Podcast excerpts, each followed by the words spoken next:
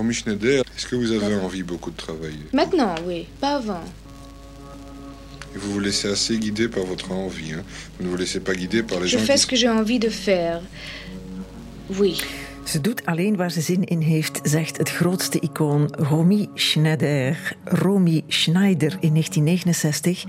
Aan het andere icoon, de televisiepresentator Roland Lomé. En zo heb ik thema en toon van deze voorproever in twee zinnen bij elkaar.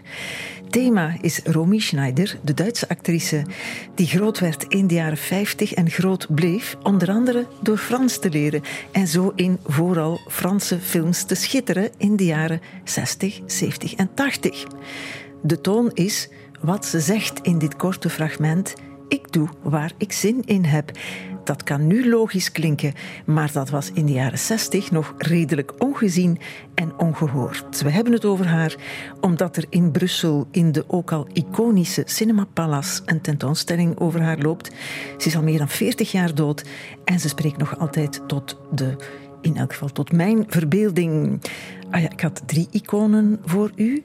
De derde zit bij mij, de Jo Rupke van de 21ste eeuw. Hij heet Wouter Hessels. Dag meneer Hessels. Dag Annemie. Je ziet eruit alsof je onder tafel gaat kruipen nu. Maar ik leg je uit, je bent docent filmgeschiedenis aan het Rits in Brussel. Je hebt daar ooit gestudeerd, toneel nog wel. Ik heb daar ook ooit gestudeerd, tien jaar voor jou, ook toneel. En mijn docent filmgeschiedenis was Jo Rupke. Aha, zo ja. Jo Rupke heb ik zelf niet meer gehad als uh, Nee, je hebt hem opgevolgd. Min of meer, ja. Apropos, we hebben allebei toneel gestudeerd, maar we zijn geen van beide toneelregisseur geworden. Ik vond radio interessanter. En jij dus film. En tot zover over ons. Nu Romy Schneider. Eh, waar ik een beetje mijn hoofd over brak hè, toen ik dit aan het voorbereiden was voor iemand als jij, docent, eh, kenner van de filmgeschiedenis, is Romy Schneider een evidentie. Voor mij is dat ook, want ik was jong en ik studeerde aan het Rits toen zij een ster was. Maar de studenten nu, jouw studenten, hè, om het zeer concreet te maken, mensen van 18, 19 jaar, weten die over wie het gaat? Of moeten we dat uitleggen? We moeten dat uitleggen en dat is ook een van mijn opdrachten als docent en mijn missies om hen dingen te laten ontdekken. eh, films, filmmakers, acteurs, actrices, ook monteurs, monteuses enzovoort, die ze niet kennen, die niet in de vitrine liggen, waar ze niet automatisch naartoe gaan.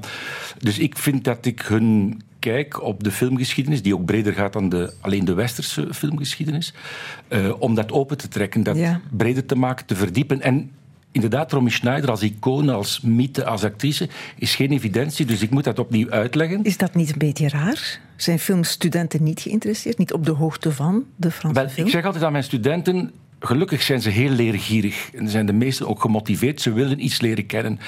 Als ze zeggen, ja, ik ken dat niet, op zich is dat geen probleem. Je hebt nog jaren om al die gaten in je cultuur, in je cinefilie te dichten. Maar er moet wel die curiositeit zijn, moet wel die leergierigheid zijn. Ik leer nog elke dag, ook van mijn studenten. Eh, maar wat zie je bijvoorbeeld, de Franse film, eh, eh, 15 jaar geleden kon ik nog fragmenten van Godard, Truffaut, eh, Chabrol tonen zonder ondertitels. Dat is onmogelijk.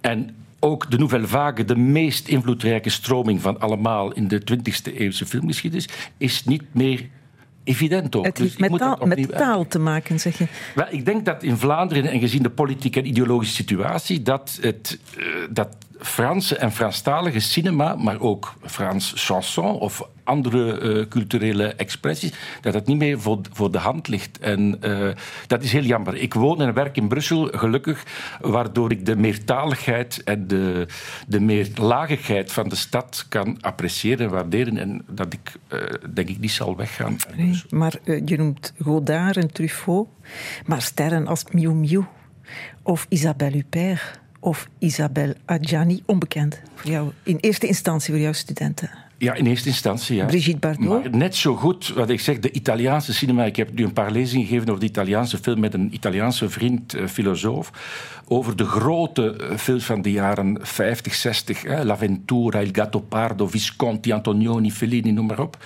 Dat is ook niet meer evident. Terwijl toen, in de jaren 60, was Italië ook kwantitatief, hè, 300 films per jaar in 1964, 65.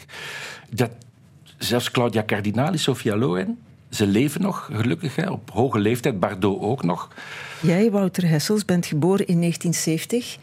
Ja. Ik vraag dat doorgaans nooit hoe oud mensen zijn, mijn gasten, maar in deze is het relevant, want jij was 12 toen Romy Schneider stierf in 1982.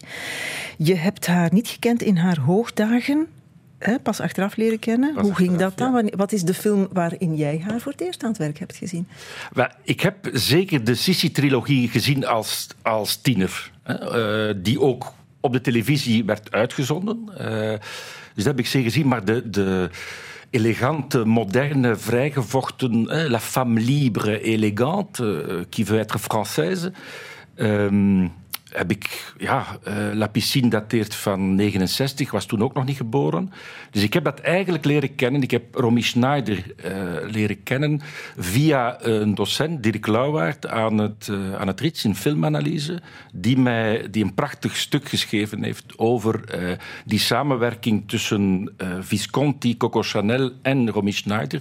In wat ik ook vind een, een een film van 50 minuten, Il Lavoro, van Visconti, waarin je de, uh, ja, de, de, de, al wat volwassenere, uh, ook femme fatale, uh, maar toujours femme fatale, fort mais aussi fragile, breekbare maar sterke vrouw, die zich wil onttrekken van alle imagebuilding die ze op zich gekregen heeft bij de Sissi. Ja. Als ik nu in jouw les zat, dan kon ik hem niet meer volgen, denk ik. Want we moeten beginnen bij het begin. Ja.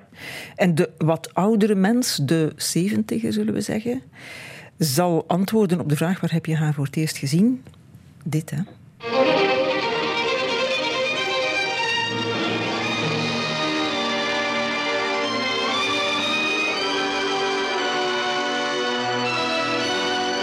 Zou mooi zijn als ze hier nu zouden beginnen zingen, maar dat doet ze niet. Hè? Sissi in die film, uh, denk ik dat ze niet zingt. Nee, maar ze heeft wel een aantal muzikale comedies gemaakt. Ja, ja, ja. We moeten even bij Sissi blijven, want je gaat ja. maar weg.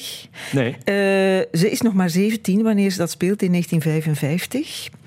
Uh, en ik kan niet anders dan daarmee beginnen, omdat ze daardoor wereldberoemd geworden is door die rol. En het lijkt een beetje onfair, nogthans, om erover te beginnen, omdat ze zelf heel hard haar best heeft gedaan om afstand te nemen van die rol. Ja, absoluut. Dus dat was een. Uh, uh, je kan beschouwen die, die Sissi-trilogie die ze gemaakt heeft tussen haar 17e en 19e hè, als een soort waren heimatfilmen, waarmee uh, in Oostenrijk en Duitsland de periode uh, na de Tweede Wereldoorlog en waarin men wilde het nazisme en de horreur en de terreur vergeten. En dat doet men via geïdealiseerde, geromantiseerde, uh, ja, pseudo-historische uh, films, zoals uh, Sissi, suikerzoet, met het blozende, vrolijke meisje dat Sissi was, Roosmarie Albach. En dat werd dan gedraaid in de Alpen en in het Zwarte Woud, hè, met pastelkleuren, escapistische muziek. Uh, en zonder de donkere, zonder enige donkere of duistere kant. Dus, ja, om de oorlog good. te vergeten, om van een bepaald imago af te geraken. Maar goed, het blijft ook aan Romy Schneider plakken. Hè, want je hebt Sissi, je hebt een sequel, je hebt nog een sequel. En er zou nog een sequel komen, maar daar wil ze niet meer aan meedoen. En ze, ze beslist dat ook zelf als ja. minderjarige, heb ik op de tentoonstelling geleerd. Ze vlucht naar Frankrijk. Je kan dat zien als een vlucht, hè? Dus ja, ze was uh, minderjarig, omdat toen was de meerderjarige leeftijd was 21. Ja. Hè, maar uh, moet weten dat Romy Schneider stond enorm onder druk ook van de moeder Magda Schneider, die ook in acht films heeft gespeeld met haar dochter. Ze was nogal maternalistisch en uh, ze, ze, ze wilde dat alles in orde was voor haar, voor haar dochter. En zij gaat dan op een bepaald moment zeggen, ik heb er genoeg van. 15 miljoen fans die in Oostenrijk, in Duitsland, in de Duitsstalige wereld. En zij zegt, dat is genoeg geweest. Ik wil mij daar onttrekken aan de, aan de contracten, aan die, die, die wil van mijn moeder, ook van haar grootmoeder. Want haar grootmoeder, dus de, de, moeder van haar vader, was ook uh, grote actrice in het Wiener Burgtheater. En uh, was net als haar moeder trouwens bevriend met een aantal nazi-kopstukken. Dus op een of andere manier, ze willen daaronder uit. En dat vind ik ongelooflijk, dat ze als 19-jarige naar Frankrijk gegaan heeft. Gegaan is. Het is straf, want ze spreekt Duits. Ze spreekt Duits, hè? maar ze had dus een talenknoppel. Hè. Die heeft op geen tijd Frans geleerd. Je hoort wel het accent, zeker in haar beginjaren. Maar bijvoorbeeld ook Italiaans. Het is Alain Delon die haar zegt... Je moet werken met Lucchino Visconti, waar hij mee had gedraaid in Rocco i, i Sui Fratelli. Uh, moet Italiaans leren. Ze doet dat ook. En dan krijg je dus een, een jonge Romy Schneider die vlot Duits, Frans Engels, ze heeft Amerikaanse films ook gedraaid, spreekt Ja, ongelooflijk. en dan is ze vertrokken hè, voor veel rollen in Franse films toch vooral. En voor veel relaties met Franse mannen. Ik haal soms de echte relaties en de filmrelaties door elkaar. De echte zijn zeker Alain Delon. Hè, dat Absoluut. is de man voor wie ze kiest als ze naar Frankrijk Ja. gaat. Nu moet je weten, dus Alain Delon, zij heeft Alain Delon gekozen als haar tegenspeler in Christine. die Ja, op basis van foto's, Van op basis van uitzicht. Nee, maar het is waar, c'était le plus beau mec Ja, du monde. hè. ze waren Zelfs- samen het knapste koppel van Frankrijk. Absoluut. En dat zien we dan in La Piscine eh, tien jaar Ja, later. Daniel Biassini. Ja, met wie ze een dochter heeft, Sarah, Sarah. die de tentoonstelling in Brussel is komen openen, Mhm. die naar het sprekend op haar lijkt. Ah ja, ook een Duitser, Harry Meijen. Meijen, met wie ze een zoon krijgt, David, die niet meer eh, leeft, hè, die op zijn veertiende gruwelijk zal sterven gespiesd op eh, een hek ongeluk, ja. waar hij overheen eh, klimt. En zijn er dan en nog... ook eh, Harry Meijen was een, een Joodse man, acteur ook, die zelf uit het leven gestapt is Ja. in 79 Ja, al. hè. ja. Zijn er nog eh, relaties? Want ik begin nu te verwarren met filmrelaties, Ja. bijvoorbeeld met deze. Comme ça s'entend à mon accent, je suis de Paris. Ah, Paris.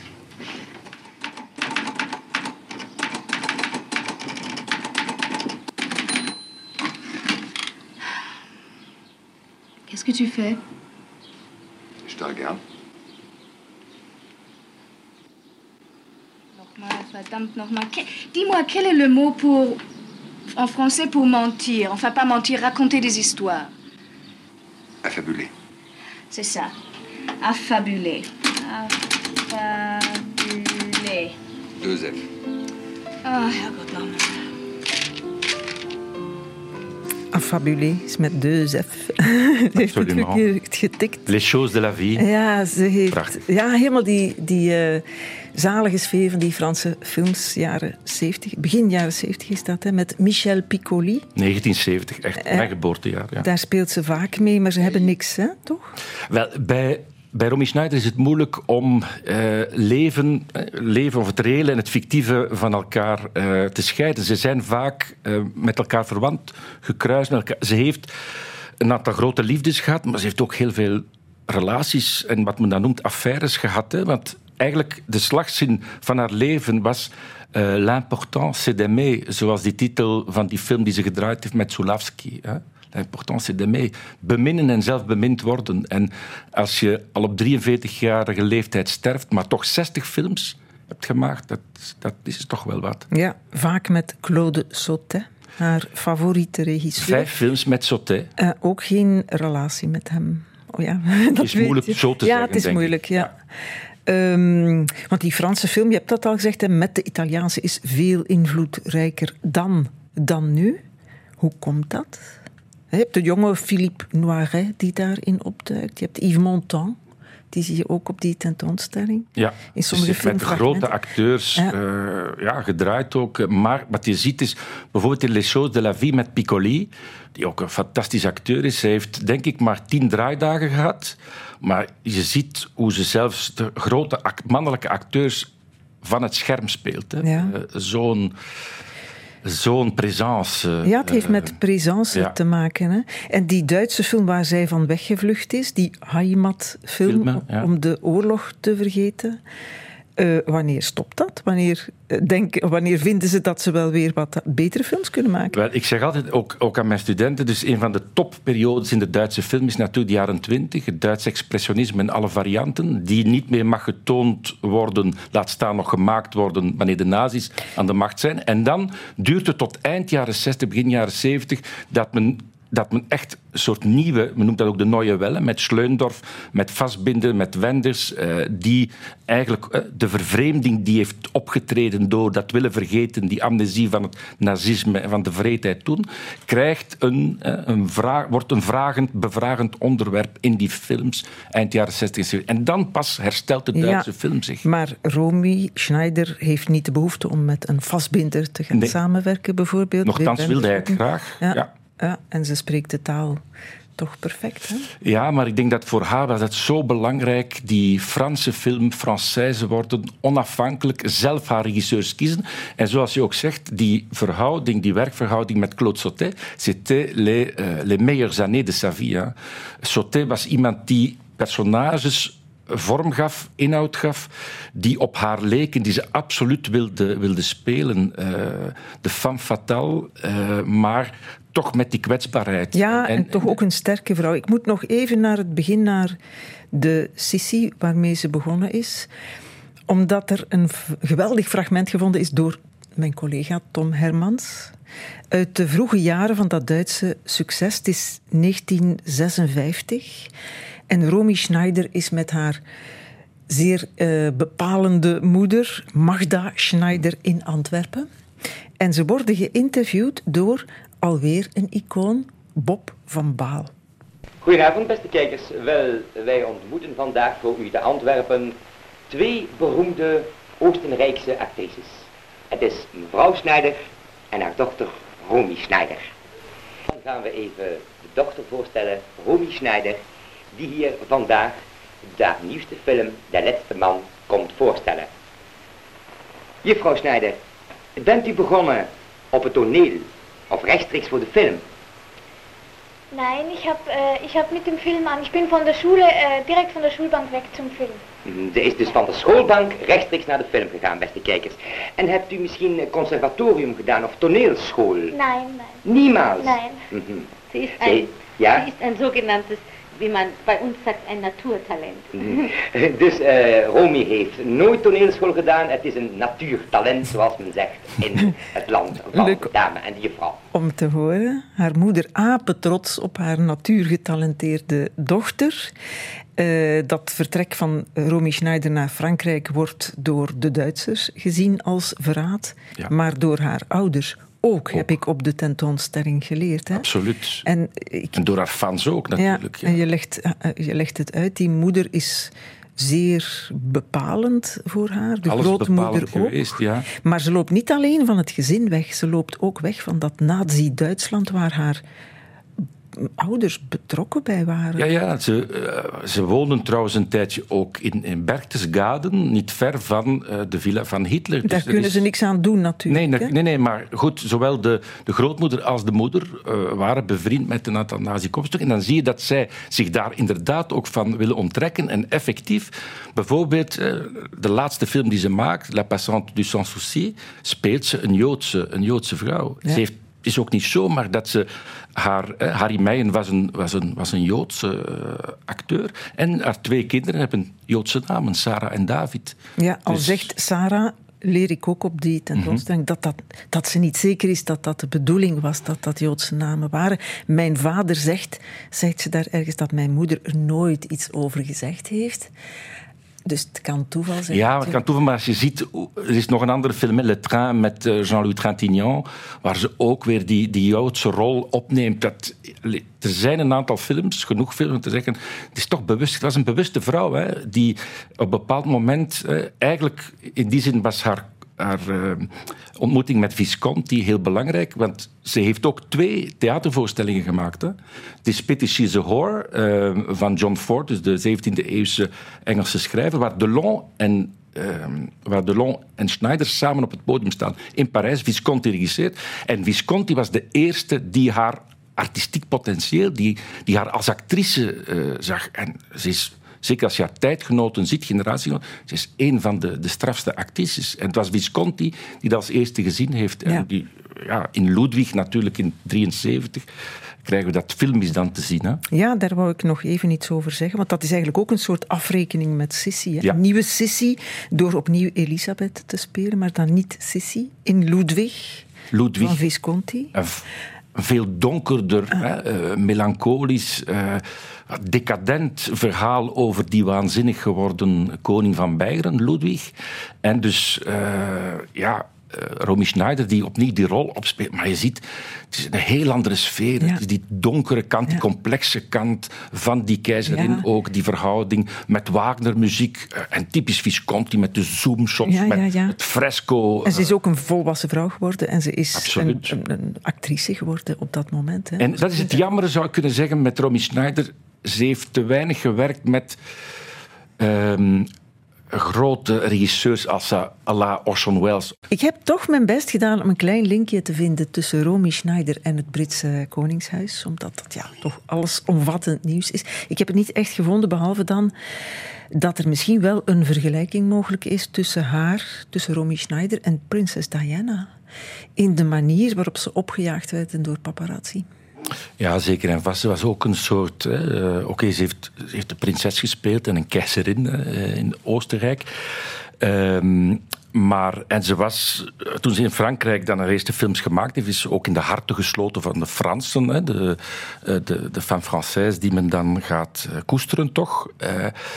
Maar ze is inderdaad... eh, zij was een van de eerste actrices ook die zelf ervoor koos om zich letterlijk en figuurlijk bloot te geven. Hè. Maar ze wilde daar toch controle over houden. En dat is zeer erotisch als je die foto's bekijkt, omdat ze, zoals Roland Barthes dat zegt, het zit, in de, zit tussen, in de plooien tussen de twee kledingstukken. Die, die naaktheid is nooit volledig eh, naakt. Ehm, maar toen ze dat zeer tragische gebeuren heeft gehad met haar zoon David, die, zich, die gespiest is geworden op een, op een hek, ehm, hebben de paparazzi werkelijk eh, heel onethisch eh, te werk gegaan door zich ook te verkleden als een verpleger en, en dan toch foto's eh, te, te verspreiden, te maken en te verspreiden. En ze was daar zeer, zeer boos om. Ja, dat is het, het toppunt hè, van Ja, wat absoluut. er gebeurd is. Al werd ze voor de rest ook opgejaagd door Ja. paparazzi. Ze heeft daar in haar allerlaatste interview op de Franse televisie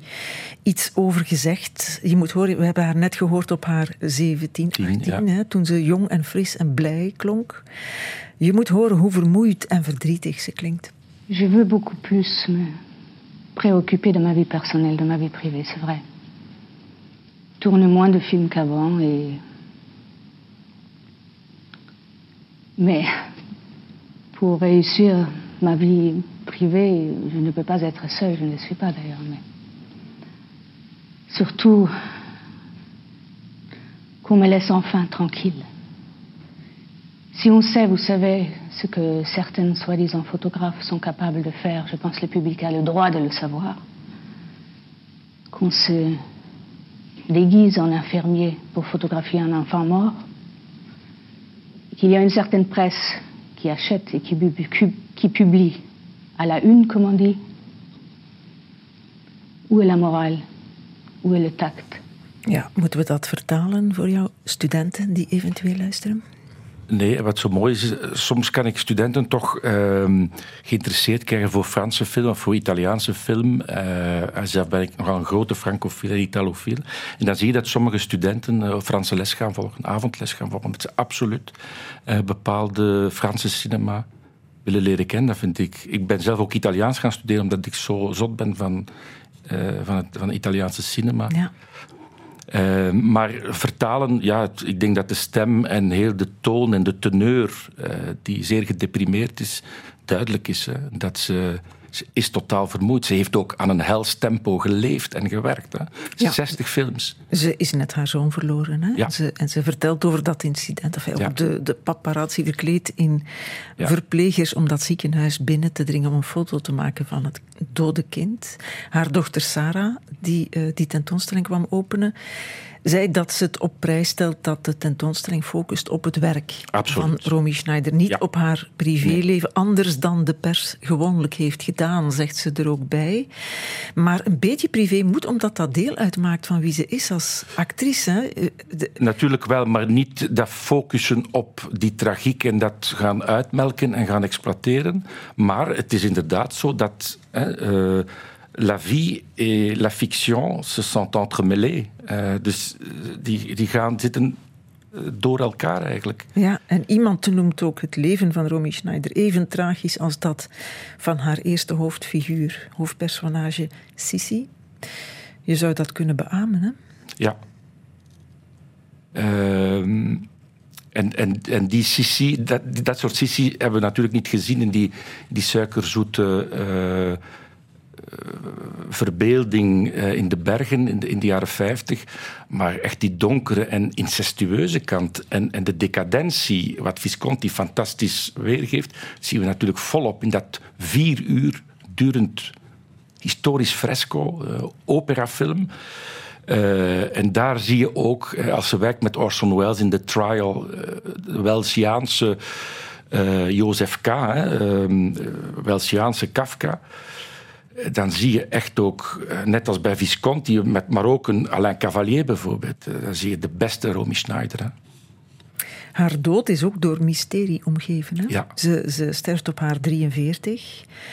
Uh, wordt doodgevonden in haar appartement huis, in, Parijs. in Parijs. Zelfmoord wordt eerst gezegd.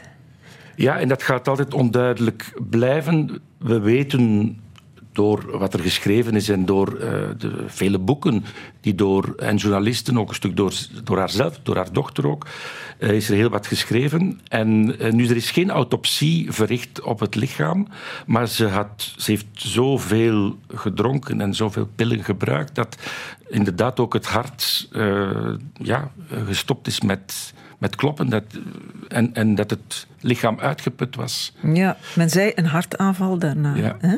Haar dochter Sarah zegt, gaat wel van zelfmoord uit, denk Mhm. ik, want die zegt dat mama mij verlaten heeft om bij mijn broertje te zijn, kwetste mij heel diep. Ja. Ja. Maar goed, een vriendin van Romy Schneider in Le Parisien, nog niet zo lang geleden, ontkracht dat dan weer. Ik weet niet op basis waarvan. Ja, het is heel moeilijk. Wat ik zei, is geen autopsie verricht. En, en men heeft direct de boodschap ja, ingestuurd van, uh, of uitgestuurd van...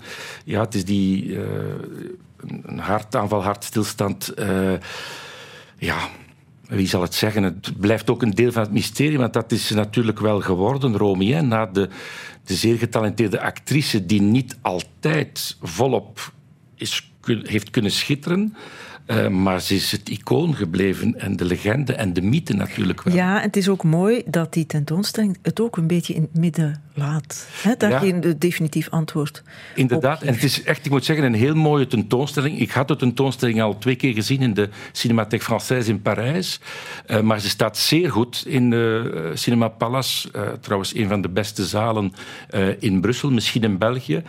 Uh, en wat er fantastisch ook aan is, is dat men aan die expo, die trouwens tekst en uitleg geeft in drie talen. Uh, het Nederlands had inderdaad een beetje beter gekund.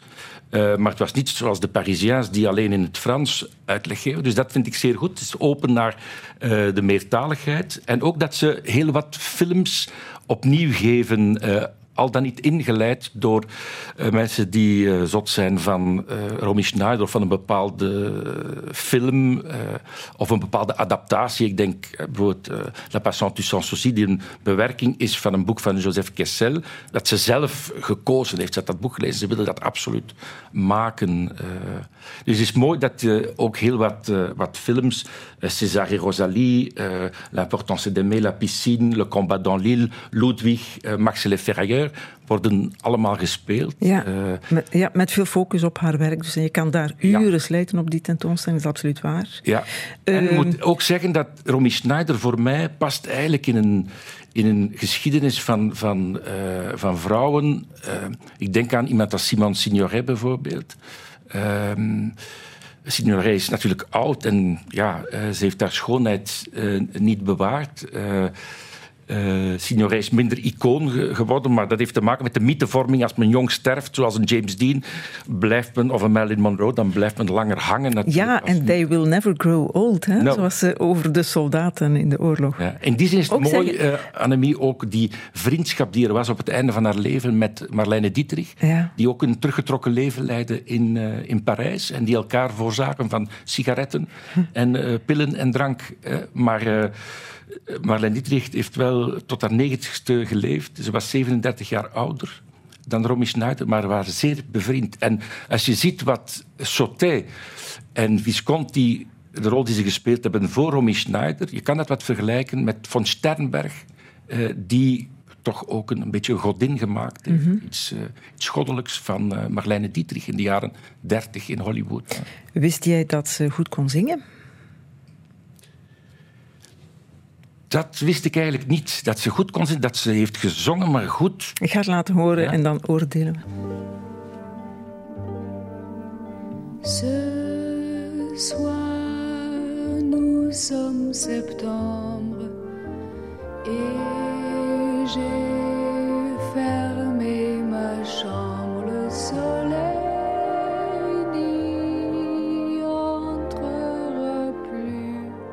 Ik heb uh, vroeger in de jaren 70, 80 uh, veel films gezien met Romy Schneider.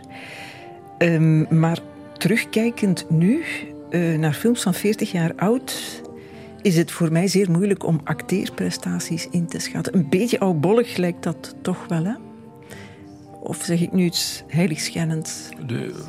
Ja, sommige films, maar ja, het is, geen, het is een beetje een onevenwichtige filmografie. Hè. Er zijn een aantal films die, die echt zeer gedateerd zijn. Ja.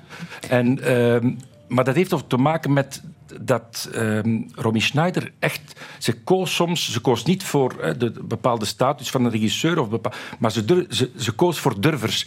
Die, mensen die ook experimenteerden. Hè. Bijvoorbeeld L'Enfer van Henri-Georges Clouzot, wat een, heel gecompliceerde film noir was over ziekelijke obsessie uh, met Reggiani en met uh, Schneider. Uh, dat is totaal misgegaan. Maar zij is blijven, blijven voortdoen. Hè. Ja, maar zeg je nu, had ze voor grotere regisseurs gekozen? Of hadden die voor haar gekozen? Ik weet niet wat de volgorde is. Dan had ze ook meer geschitterd als goede actrice. Hangt het daarvan af? Ja, maar ik denk toch uh, dat als je de vergelijking maakt met haar tijdgenoten, ik denk bijvoorbeeld aan iemand als Anna Karina, de, de, de muze en toch het sociologisch onderwerp, als ik dat zo oneerbiedig mag zeggen, van een aantal films van Godard in de jaren zestig. Dan zie je enorm veel afstandelijkheid, alsof de vrouw daar een soort studieobject is, typisch Godard natuurlijk. En dan zie je toch dat van haar generatie, ook als ik vergelijk met Gene Seberg bijvoorbeeld, of een Anita Ekberg, dan zie je toch veel meer levendigheid, ja. uh, vitaliteit, een vol overgave spelen. En als je haar zet naast een Catherine Deneuve bijvoorbeeld, of een hedendaagse Juliette Binoche? Uh, uh, Juliette Binoche van een totaal andere orde, vind ik. En zie ik ook fantastisch graag spelen. Ehm, de Neuve, zeer zeer getalenteerd, grote actrice, maar uh, behoort voor mij een beetje tot de actrice die met zeer veel afstandelijkheid speelt, met een soort coolness, wat Schneider helemaal niet had. Uh, dus die, die overgave waarmee ze altijd, maar die, die ook zo uitputtend is, hè, die, die maakt, ja, uh, ja ze heeft ook, zo lang geleefd. Ze heeft ook minder tijd gehad hè, om, om zichzelf te bewijzen. Zo kun je het ook zien. Hè? Ja, zeker. Ze heeft, maar, ze heeft maar 20 jaar gehad. Ja, maar het is toch ongelooflijk dat je dan 60 films maakt. Ja. Maar bijvoorbeeld, ze, ze, heeft gespeeld in een aantal comedies. Dat was totaal haar genre niet. Dat is What's New Pussycat bijvoorbeeld. Dat is echt, nee. Ik kan niet, haar ook niet, voorstellen in in iets om te lachen. Nee. Ja. Soms is het ook moeilijk, vind ik, om het, uh, haar belang als actrice of haar belang als rolmodel uit elkaar te houden. Want um, die rollen zijn vaak, zoals we al zeggen, sterke, zelfstandige vrouwen. Die hebben mij, moet ik zeggen, in de jaren zeventig toch ook meegemaakt tot wie ik ben. Ik keek naar haar op. Zij was het soort vrouw dat ik wou worden. Ja, maar ja, dat denk ik. Voor veel vrouwen is dat zo geweest. Iemand die eigen keuzes maakt, die zich onttrekt aan, aan een wil van een moeder, van een vader, van een stiefvader, van een grootmoeder. Eh, op uw 19 jaar zelf beslissen: ik ga naar Frankrijk, ik leer Frans, ik wil met Visconti draaien, ik wil met Orson Welles. Ja, dat is haar privéleven, maar ze speelt ook dat soort rollen. Hè? Ze kiest ook voor dat soort ja, rollen. Die, die, of ze wordt gevraagd voor dat soort rollen. Ja. Uh, maar er is altijd een soort dubbelheid bij haar. Er is een soort sterke persoonlijkheid, maar altijd die kwetsbare kant bij haar. Bijna altijd. En altijd is het een moeilijkheid in de liefde. Altijd de complexiteit van het samen zijn. Vaak driehoeksverhoudingen die je ziet in haar, de films met Sauté natuurlijk. Um, ja. Uh, ze is zich bewust van haar voorbeeldrol. Hè? Want ze, ja, uh, op die tentoonstelling is een uitspraak van haar te lezen. In werkelijkheid was ik gewoon mijn tijd vooruit, zegt ze. In een tijd dat er geen sprake was van de bevrijding van de vrouw, begon ik aan mijn eigen bevrijding. Ik heb mijn eigen lot in handen genomen. Ja, dat, Ik heb daar geen spijt van. Dat is zeker. Hè. Eh, ook, eh, ja, ze probeerde die eigen keuze zelf, zelf eh, de, de regisseurs opzoeken, dingen lezen om ze te laten verfilmen. Ehm, zij die ook, ook trouwens in de, in de mode, de haute couture, wat, wat ze aan heeft, de tailleur, de kamerjas, de, het avondkleed van, eh, van Coco Chanel, eh, die een leerschool voor haar was, de hoogbejaarde Coco Chanel, die haar kleed in Il Lavoro van Visconti in 62. 62 is echt voor mij het kanteljaar voor haar. Hè, waar de overgang van het kindje, van het, het, het soort zoete leven, vrolijke, blozende wangetjes, en eh, de moderne vrouw die zich bevrijdt, daar begint dat in Il Lavoro van, eh, van Visconti. Eh, maar ook eh, prachtige foto trouwens, het, affichebeeld van de tentoonstelling. Ja, dat is natuurlijk... Ik ben een man, een beetje fantasma natuurlijk ook naar, naar haar. Maar in die jurk, in die, met, dus die blote, met die blote rug... en dan dat kleed dat er zo natuurlijk over gedrapeerd is van Yves Saint Laurent. Is bijzonder mooi. Wat een zin voor esthetiek en voor schoonheid. Ja, er zijn ook eh, jurken te zien op de tentoonstelling die ze heeft gedragen. Ook dat is mooi om naar te kijken, want je ziet dan foto's uit de films of beelden uit de films waarin ze die droeg. De En ook, ik denk, notities van haar. hè. Ze schreef Ja, zeer veel. Hè. Eh, ze had bepaalde verhoudingen, met, vooral met de DOP, met de cameramensen, met de maquilleuse, met de... eh, Want als ze weer eens niet geslapen had en de, de wallen moesten bijgewerkt worden. En, en ze vloog nogal eens uit, want het was, het was geen katje om zonder handschoenen Ze had temperament, zeggen. Onredelijk, ja. Maar ze maakte het altijd goed dan met, met een kaartje en met een briefje. En, eh, Ja. eh, ja, waar blijkbaar wel veel fouten in stonden. Dus ze was bedreven in het, in het spreken van de andere talen, maar het Frans... Dat is haar vergeven. Dat haar, dochter zegt, haar dochter zegt daarover, ik kan er niet naar kijken, want dat is... Ja, ze heeft haar moeder maar een jaar of vier, vijf Absoluut, ja. gekend. Hè? Ja. Eh, De tentoonstelling is goedgekeurd, hè? die vinden we goed. Ja, Ja. Je zei het al, Nederlands soms een beetje met haar op. Soms lijkt het, dat het ergerde mij wel een klein beetje. ja. Chat GPT, die aan het werk is gezet voor de teksten bij de foto's. Ik ga, als het over Claude Sautet gaat bijvoorbeeld, ik ga voorlezen. Hè.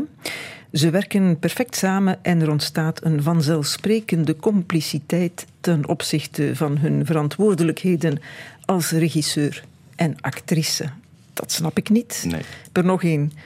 Ehm, over Claire de Femme van Costa Gavras in 1979. Deze film is de vijfde samenwerking tussen Yves Montand en Costa Gavras. Ze vreest enkel de compliciteit tussen de regisseur en Yves Montand, die haar zou kunnen uitsluiten van dit duo. Nog steeds heeft ze een viscerale behoefte om gerustgesteld te worden, om begrepen te worden door de regisseur en het team waarmee ze werkt. Dat kan duidelijk beter.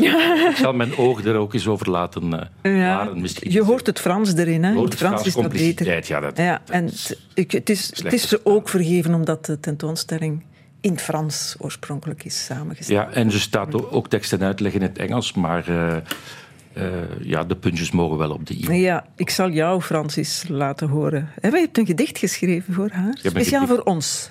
Ja, voor de radio. En eh, ik mag straks ook de inleiding verzorgen bij La Piscine in Pallas. Mag ik even, Annemie? In drie talen. Romy.